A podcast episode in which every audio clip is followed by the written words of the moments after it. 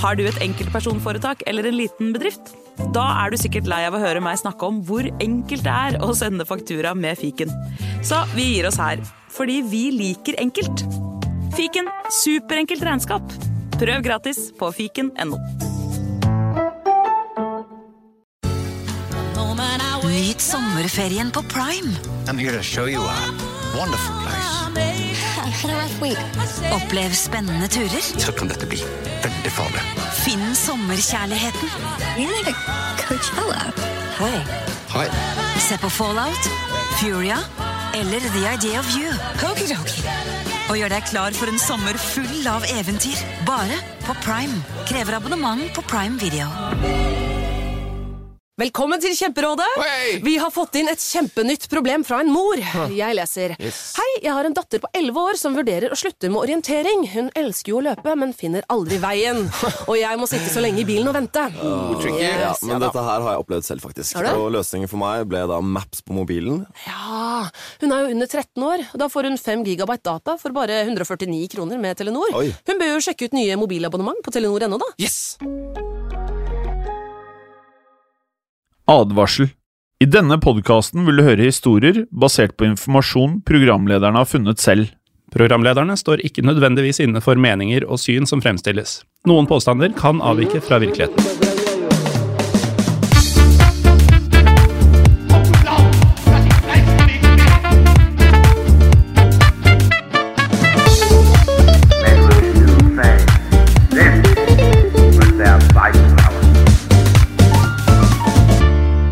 Velkommen til en eh, ny episode av Historiepodden andre verdenskrig. Mitt navn er som alltid Jim Fosheim.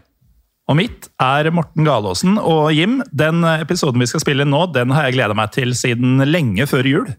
Ja, du har det.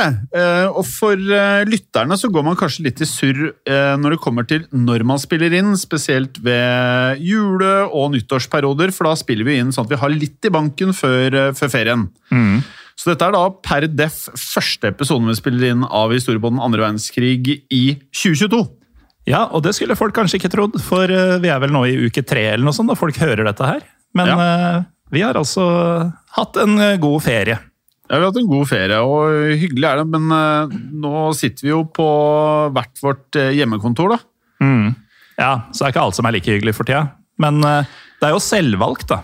Det er Faktisk. selvvalgt. Det er selvvalgt. Eh, men jeg kommer faktisk til å gå for eh, Hvis jeg har telt riktig, så har jeg eh, mulighet for å ta boosterdose neste uke allerede. Og Ja. da føler jeg at det å sitte i studio for min del ikke er like sketchy.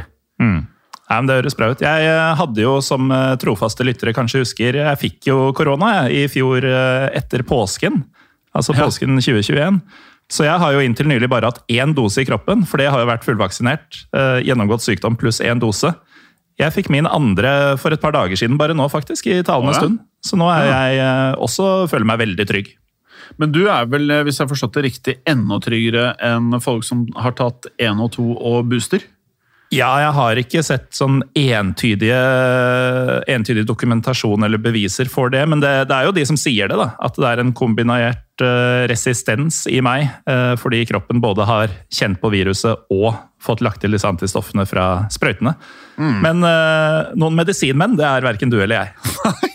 Men vi kan jo legge til at det nå er mulig å rate den andre verdenskrig og vanlig historiepodden, ikke bare på iTunes sin podcastrapp, men også på Spotify. Det er faktisk fullt mulig. Ja, det er det. Og det som er litt sånn kuriøst, et ord vi er veldig glad i her i historiepodden andre verdenskrig, det som er veldig kuriøst, uten at vi egentlig har eh, gjort noe særlig for å få folk til å um, rate oss der, så så jeg bare ved en tilfeldighet, for jeg skulle bare sjekke eh, episodene våre på Spotify, at de var, eh, lå sånn som det skulle, og så jeg at det, vi nærmer oss 200 ratinger på Spotify på bare historiepodden andre verdenskrig. Oi, Og der har vi da 4,9 i snitt. det lar seg høre. Det lar seg høre, uh, Gallåsen. Også vanlig historiepodden. Uh, bare for å ta det også. Der eh, er vi på 112 ratinger, altså færre enn VV2. 4,9 i snitt der også. Der også. Ja, der også. Eh, så når du hører dette, og du som har, vi har jo fått eh, tekstmeldinger av folk, eller ikke tekstmeldinger, vi har fått DM-er av folk i eh, alle herrens år, om jeg kan si det sånn, hvor folk har vært irriterte for at når vi sier dette med ratingene, så diskriminerer vi mot de som har Android eller andre telefoner. Så nå kan dere endelig rate på begge podkastene. Så gå nå endelig inn på Spotify og gi oss disse stjernene, da, som eh, dere har vært irriterte for at dere ikke kunne ha gitt oss eh, tidligere. Ja, 2022 er mulighetenes år, også for oh. oss som bruker Android. Ja, det er så mange muligheter, Gallosen. Eh, men vi må nå til eh, selve innholdet, for vi prater jo også om historie i denne podkasten her òg. Eh, og vi er nå kommet til Og du sa at du, du gledet deg veldig. Dette er da del to av Hitlers innerste sirkel om en av de største fælingene i denne indre sirkelen, nemlig Martin Bormann. Og han Vi skal ikke avsløre, men det er mye snacks som kommer nå fremover. Dette her var en ussel type. Eh, Og Martin Bormann, han eh, For meg så er han mest kuriøs i den forstand at eh, han Jeg hadde ikke hørt om Martin Bormann da jeg gikk på skolen. Nei, han var liksom ikke den, den man snakka mest om i, i ungdomsskoleårene. Da var Nei. det Hitler og ikke så veldig mye mer. Kanskje hadde man hørt om Himmler eller Goebbels. Ja, Men Også. Bormann han eh, fikk håper holdt å si, ufortjent lite oppmerksomhet i, eh, i pensum.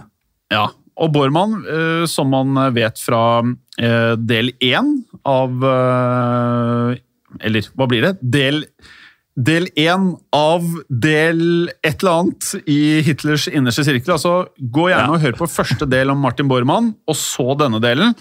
Og Bormann han var Hitlers eh, personlige sekretær, eh, og ble etter hvert hans aller nærmeste medarbeider. Og dette var også litt eh, intensjonen til Bormann. Veldig ofte så går man jo rangestiger, man gjør sitt beste for å, i et selskap å komme seg oppover, men man gjør det fordi det er en del av arbeidet. Men Bormann han planla å bli Hitlers nærmeste, og en form for gatekeeper.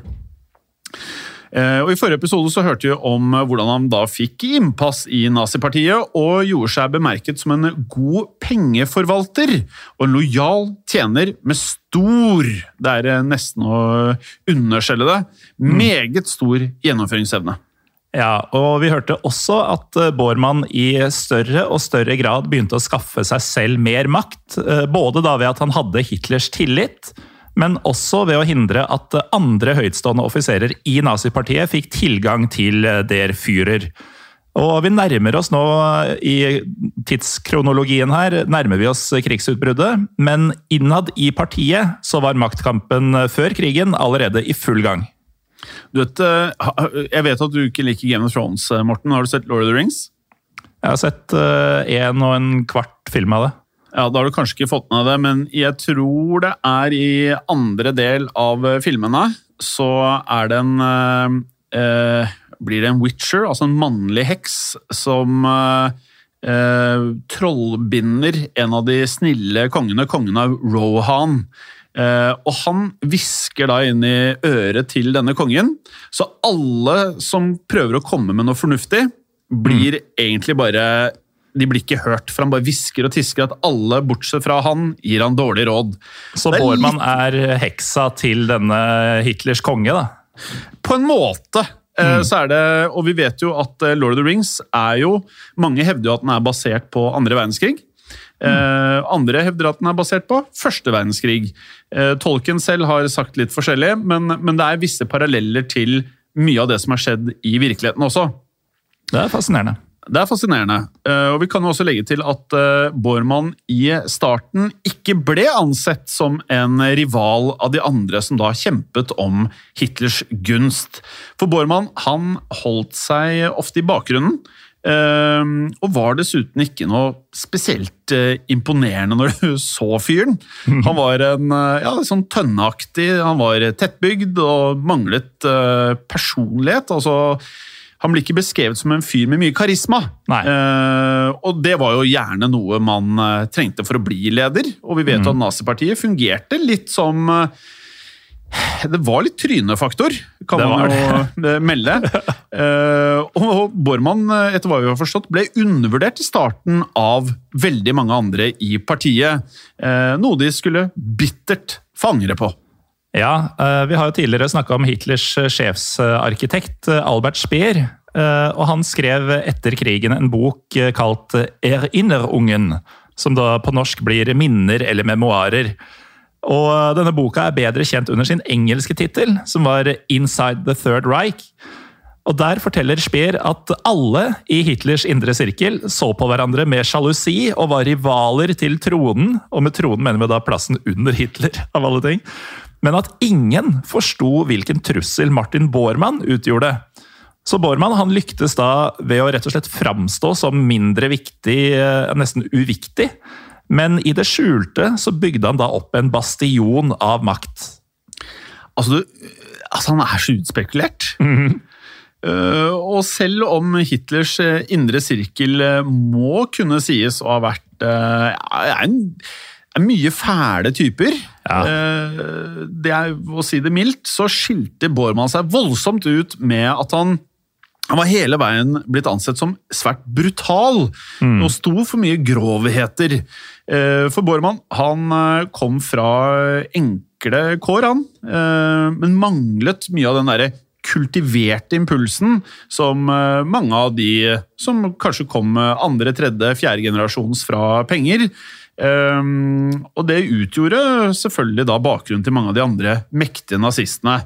Så Bormann kom på mange måter fra ingenting, og han var også derfor villig til å gå veldig langt for å da forsvare den posisjonen han fikk etter hvert. Og Bormann hadde dessuten en eh, svært lydig og føyelig personlighet. Og det vet vi jo at ledere kan sette pris på. Og han gjorde stort sett akkurat som Adolf Hitler sa, eller hintet om stort sett til enhver tid. Du nevnte denne brutaliteten, Jim. eh, og den, eh, altså Det var ikke bare Goebbels og Göring og disse andre som Bormann anså som sine fiender. Til og med lillebroren hans, eh, Albert, fikk gjennomgå av Martin Bormann. Som vi husker fra del 1, så var Albert blitt ansatt i nazipartiets hjelpefond, takket være da Martin Bormanns innflytelse. Og siden så ble da broder Albert Bormann leder for det såkalte privatkanslei, som var avdelinga som tok seg av Hitlers personlige forhold.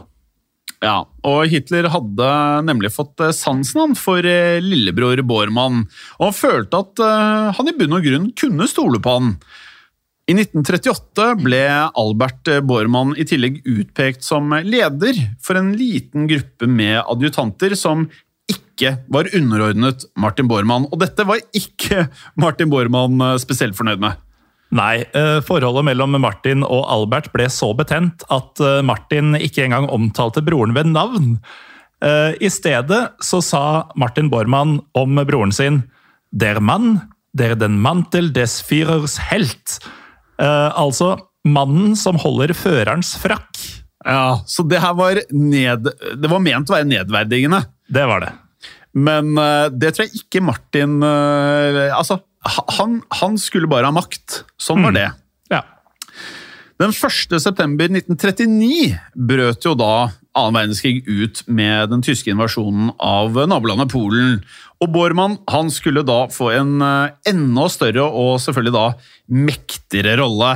For etter hvert som krigen skred frem, så ble Hitlers oppmerksomhet eh, rettet mot eh, utenrikssaker, og militæret ble da viktigere enn noe annet. Og ettersom Hitler da tilbrakte mesteparten av tiden ved sitt eh, militære hovedkvarter på østfronten, så måtte Hitler rett og slett stole på Bormann eh, i enda høyere grad for hver dag som gikk, for å håndtere da landets innenrikspolitikk, som da må jo kunne sies å være noe av det viktigste i et land. Ja, det må man jo. Eh, Og så har vi jo Rudolf Hess, vår gamle kjenning, eh, som var Hitlers offisielle stedfortreder. Han var ikke direkte ansvarlig for krigføring, så han ble i økende grad utestengt fra nasjonale anliggender og fra Hitlers krets. Og Martin Bormann han hadde med hell fortrengt Hess i mange av hans oppgaver før krigen, og tilrana seg sin posisjon ved Hitlers side. Så i 1941 så var Rudolf Hess bekymra for at Tyskland ville måtte kjempe på to fronter etter hvert som planene for Operasjon Barbarossa, eh, også kjent uttrykk i historiepodden-historien, eh, det, det gjaldt jo da invasjonen av Sovjetunionen. Den skulle settes ut i live senere samme år. Ja, og Hess han valgte da å fly eh, Det her har vi jo prata om eh, tidligere. Er det første episoden vår? Eh, Det er vel en av de første, i hvert fall. Jeg tør Ja. ikke å si med sikkerhet at det var den første. Ja. Eh, nei, fordi vi har jo pratet om dette her, og vi delte den opp i to episoder. Vi kalte den vel for Den gale nazisten Rudolf Hess, vel? Eh, hø, vi, vi, eh, altså, ta gjerne og hør på den om du har hørt den. Hør, hør den på nytt. For det er jo nå når vi prater om Hitlers innerste sirkel, så begynner man liksom Jo flere av disse personene vi går gjennom, jo mer aner vi konturene at det er mye raringer. Eh, ja, de var gærne og slemme, og eh, snåle folk. eh, mange av disse er. Og Hess han eh, var jo kanskje blant de snåleste av dem alle. Han eh, valgte da å fly eh, helt solo til Storbritannia 10. mai 1941 for å da søke fredsforhandlinger med den britiske regjeringen. Og det hadde han da null mandat til å gjøre. Null mandat! Og han gikk bak eh, Hitlers rygg, som eh, vi skal se nærmere på her. Eh, og Hess han ble jo lite overraskende arrestert ved ankomst, og tilbrakte resten av krigen som en britisk fange. Og fikk til slutt en livstidsdom under Nürnberg-rettssakene, som fant sted i 46, eh, som da var de alliertes rettsoppgjør mot ledelsen i nazipartiet, som jeg, bare, jeg har sagt det før, jeg har hinta om det mange ganger. eh, Jeg er ikke videre imponert over Nürnberg-rettssaken alltid. Eh, Mye av det jeg har kommet over, eh, føles som det blir en liten serie i historien historie på den andre verdenskrig på et eller annet tidspunkt. Det kan det. Men i hvert fall lite overraskende så anså Hitler denne soloreisen Hess gjorde til Storbritannia som et personlig svik, og han ønska rett og slett Hess eh, skutt dersom Hess skulle returnere til Tyskland. Hitler ga dermed Rudolf Hess eh, sine oppgaver til noen andre, og vi kan jo eh, gjette oss fram til, at, eh, til hvem det var. Det var Ja, det- ingen ringere. En, eh, hva blir det, Kle, kleshengholderen? Nei, broren til kleshengeholderen, nemlig Martin Bormann sjøl. Ja, Martin Bormann sjøl. Og eh, Bormann han ble utnevnt til leder for parteikanslei, altså partiets kanselli. Eh, Og I denne stillingen så ble han eh, ansvarlig for alle utnevnelser i nazipartiet, og rapporterte kun til nettopp Adolf Hitler. Så Bormann eh, han eh, ble egentlig da med andre ord sjef for eh, det administrative maskineriet til nazipartiet nå. Og um, gjennom mye intriger, partikamper og gjerne en høy grad av manipulasjon av Hitlers svakheter og eksentrisiteter, så ble Bormann en gåtefull, men ekstremt mektig mann i det dritte Reich. Ja, Bormann kontrollerte all lovgivning og alle partiforfremmelser, og han hadde bred innflytelse på um, innenrikspolitiske spørsmål angående rikets indre sikkerhet. Han bestemte med andre ord hvem andre som skulle få makt i partisystemet, og fikk til og med yngre offiserer forfremma som spioner for å avsløre de politiske holdningene til kollegene deres. Folk innad i partiet begynte å kalle Bormann for eh, den brune eminense. Men eh, det kalte han aldri foran Bormann selv. Og Morten, den brune eminense, så vidt jeg kan forstå, så blir det De braune eminens med en Z Ja, på tysk. Det, det kan godt være. Eh, Det høres kanskje ut som en rar ting å kalle noen. Eh, Det kommer, så vidt jeg har skjønt, fra et fransk uttrykk, eminence gris, som da betyr grå eminense. Oh. Som da Det omtaler da en eh, innflytelsesrik, men uoffisiell beslutningstaker. Eh, Og på mange måter så var jo Bormann det, og så er det da kanskje brun pga. disse brunskjortene nazipartiet brukte. Og ja, det er der brune kom fra. Antagelig.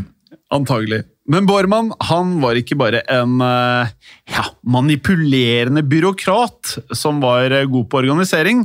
Han var, eh, og er beskrevet som en glødende, overbevist nazist, som var da dypt, dypt indoktrinert i nazistenes ideologi, også da antisemittisme. Og Bormann han var en forkjemper for eh, ekstremt harde tiltak når det gjaldt behandlingen av jøder, krigsfanger og menneskene som da bodde i alle områdene som de erobret. Ja, I 1942 så utstedte Bormann f.eks. et eh, dekret som sa at eh, løsninga på det såkalte jødeproblemet, som jo var det nazistene kalte dette, det, løsninga var ikke lenger emigrasjon, men i stedet noe helt annet. Og jeg siterer hensynsløs makt i de særegne leirene i øst. Det vil si rett og slett utryddelse i disse nazistiske dødsleirene. Og et annet dekret, eh, undertegna av Bormann i 1943, det ga Adolf Eichmann absolutt makt over jødene, som nå kom under Gestapos juridiske kontroll. Eichmann var jo, som vi også har snakka om i tidligere episoder, den primære organisatoren av jødetransporter under krigen. Og vi, ja, det var vel to episoder faktisk vi lagde om han. Mm.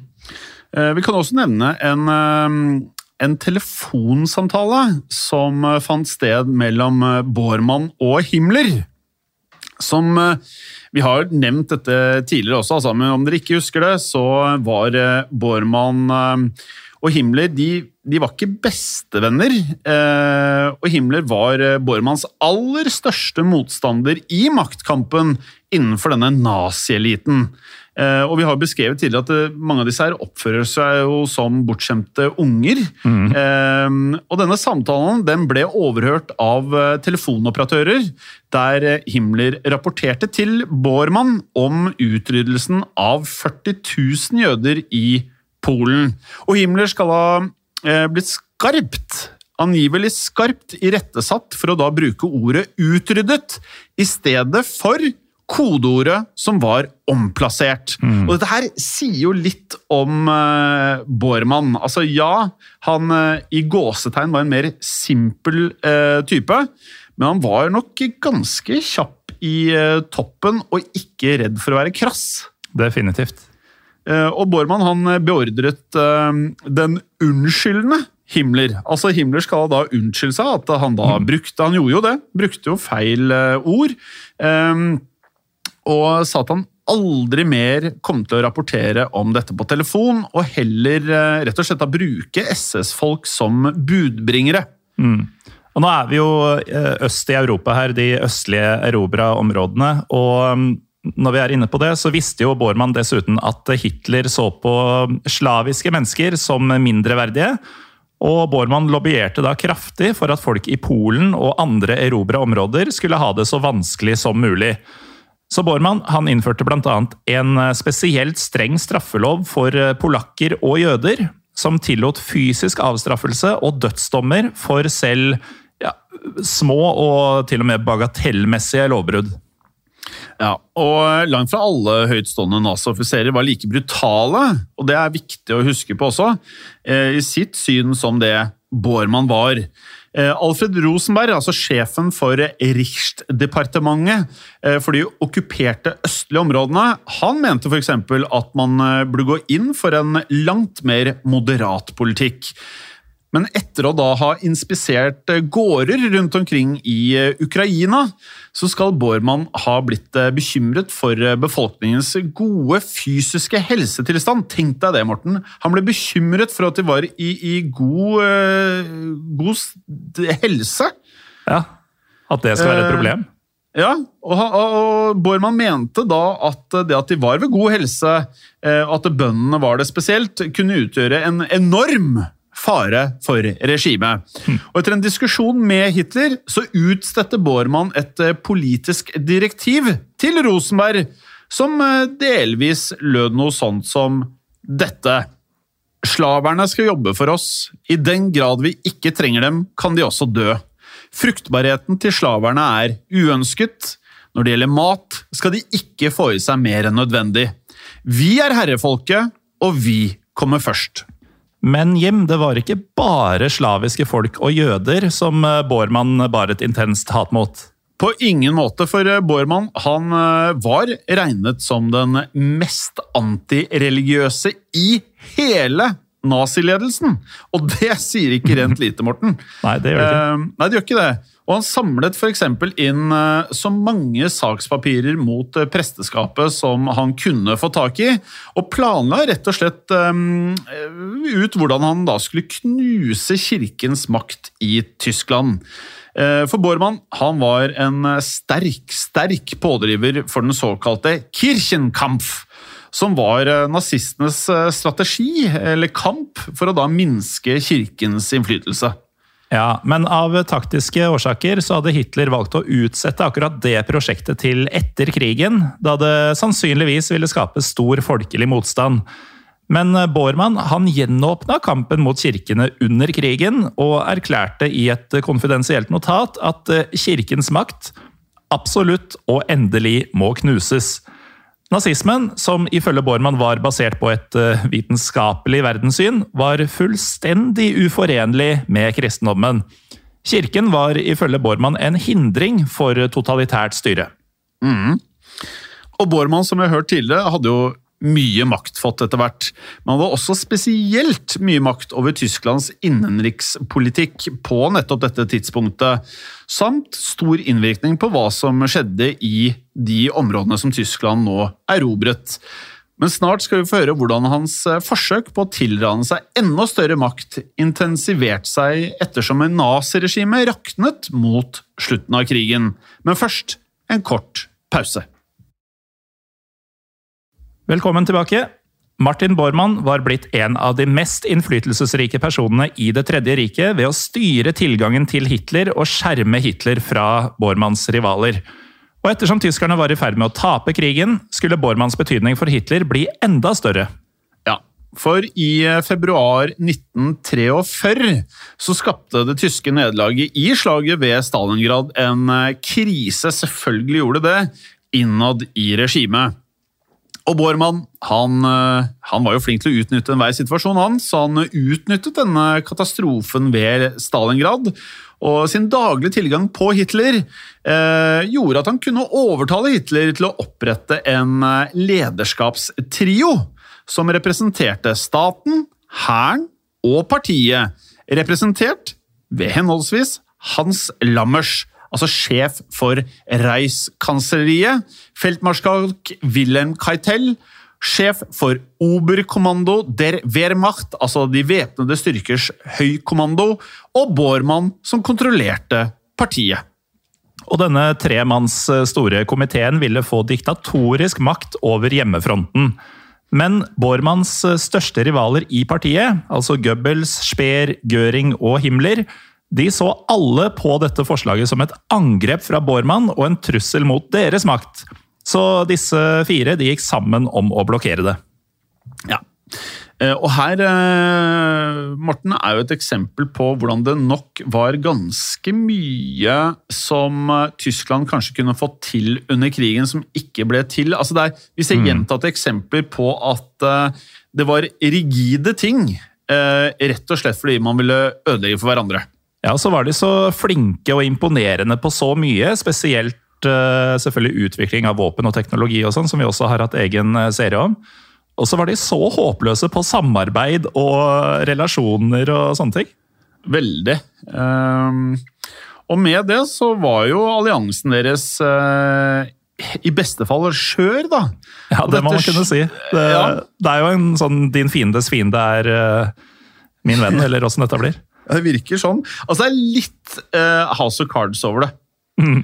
Bare på bol. Altså, er en, altså de, I House of Cards så er det mange som må bøte med livet. Her er det nok vært mye som ikke vi vet. Det er nok masse folk som har blitt uh, rydda ut av banen her i de rekkene innad. altså. Garantert. Garantert. Um, og det at dette her føltes som i beste fall skjørt, Morten, skyldtes jo da hovedsakelig det faktum at eh, Himmler i denne perioden han uh, fortsatte å samarbeide med Bormann for å da få mer makt på bekostning av en annen fyr som likte makt, nemlig Herman Göring og de andre i riksadministrasjonen.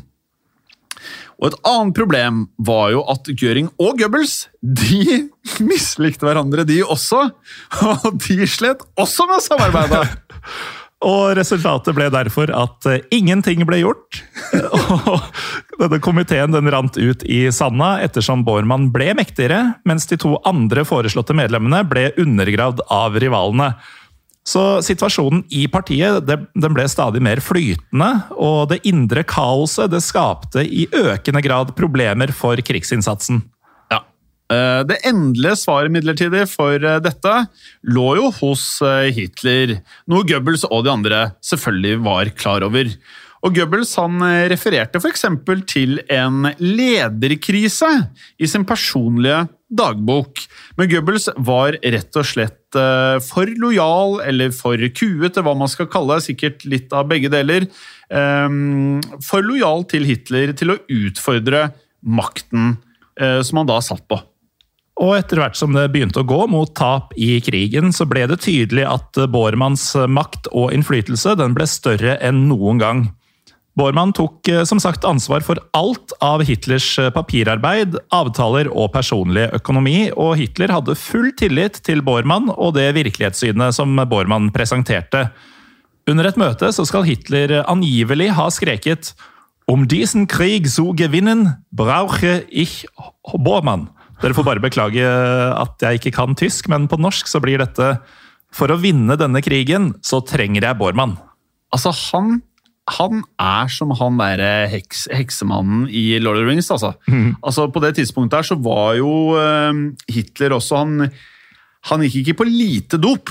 eh, og var nok ikke veldig lite paranoid heller.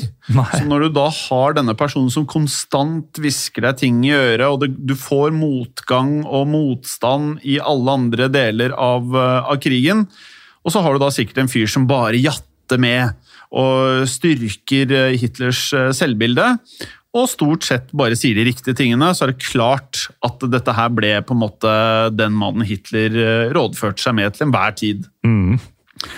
Og man kan jo Det er jo ikke bare vi som mener dette her. Flere mener jo at Bormann sterkt utnyttet den tillitsposisjonen han hadde da til å bygge en slags mur eh, mellom Hitler og virkeligheten.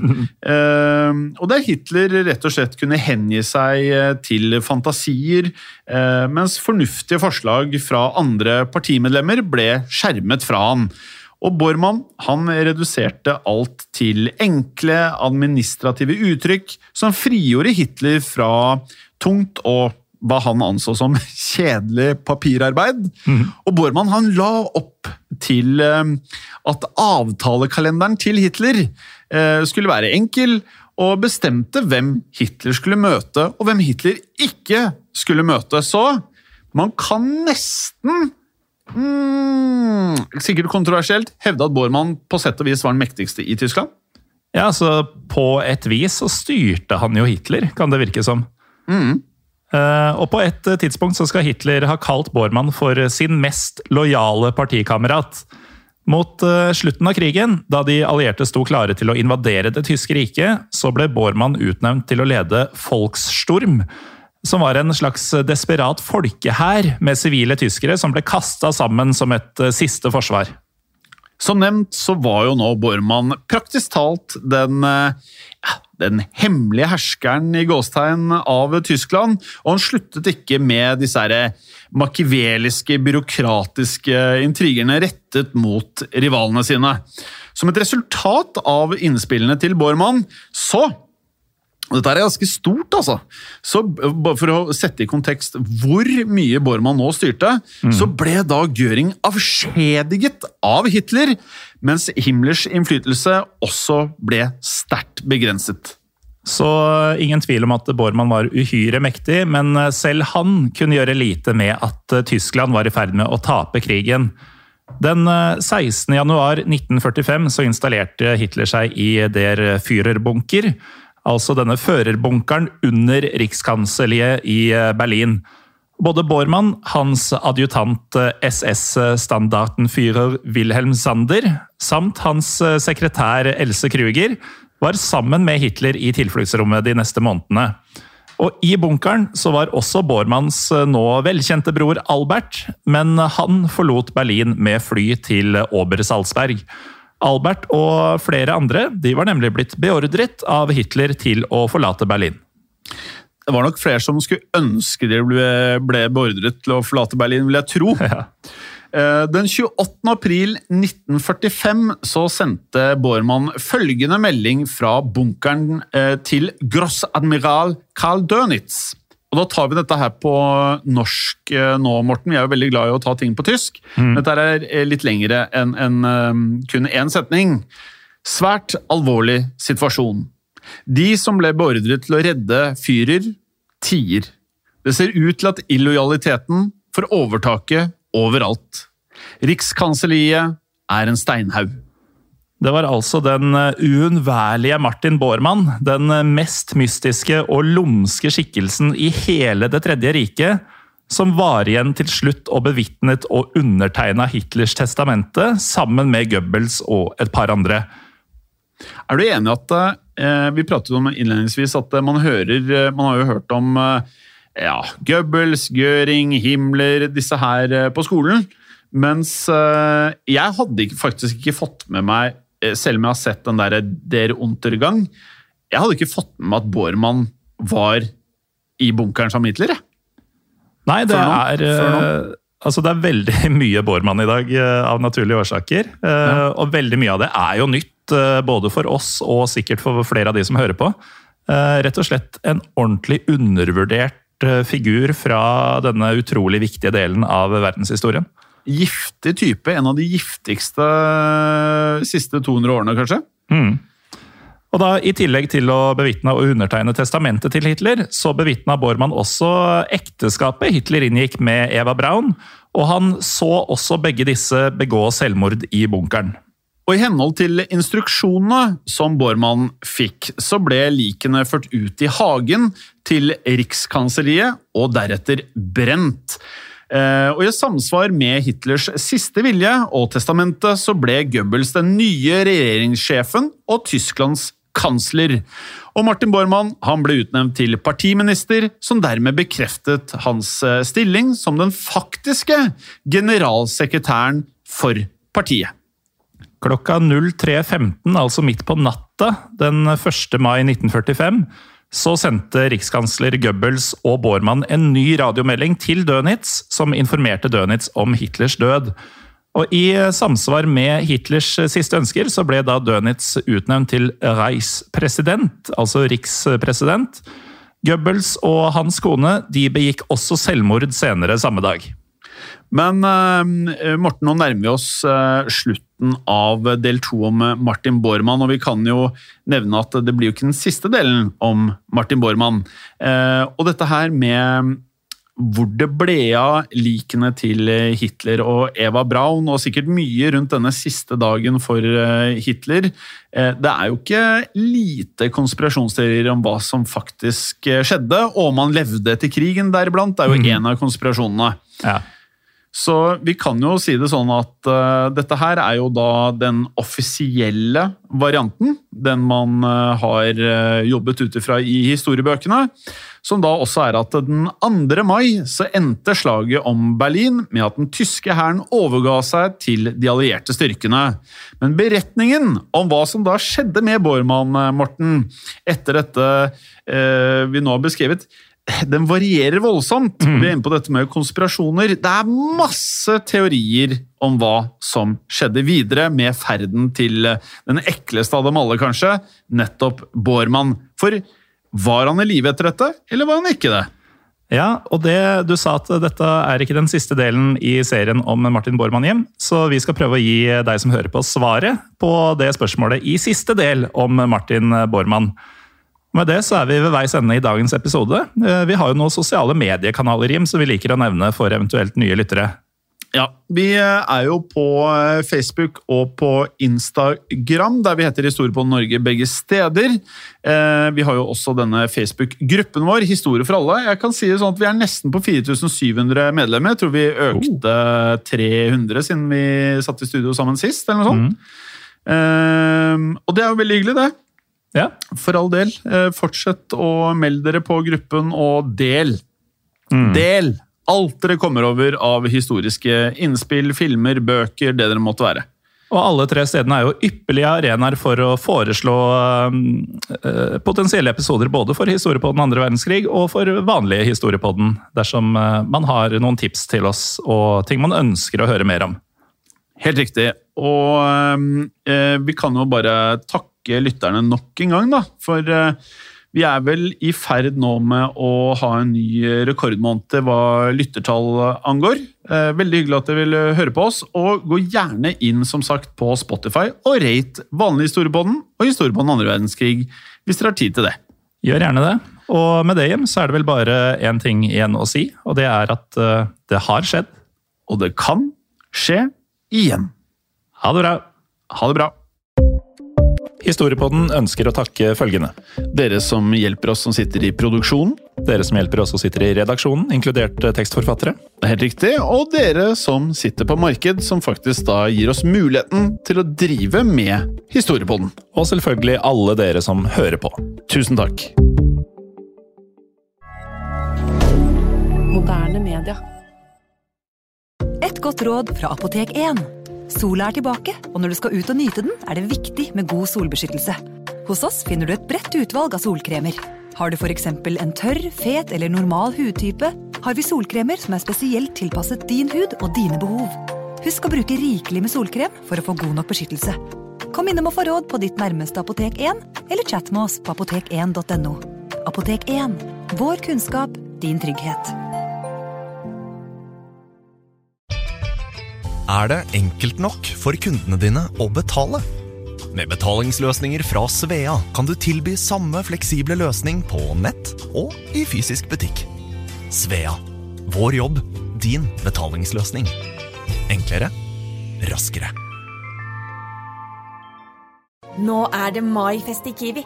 Det feirer vi med å presse prisene på frukt og grønt, reker, wienerpølser og mye annet. På ca. 1,3 kilo wienerpølse fra Gilde presser vi prisen fra 117 helt ned til 99 per kilo. På størrelse 70-90 frosne reker i løsvekt presser vi prisen fra 99 helt ned til 89 per kilo. Og på 5 kilo reker presser vi prisen fra 399 helt ned til 349 for hele esken. For det er vi som er prispresserne, og vi i Kiwi gir oss aldri på pris.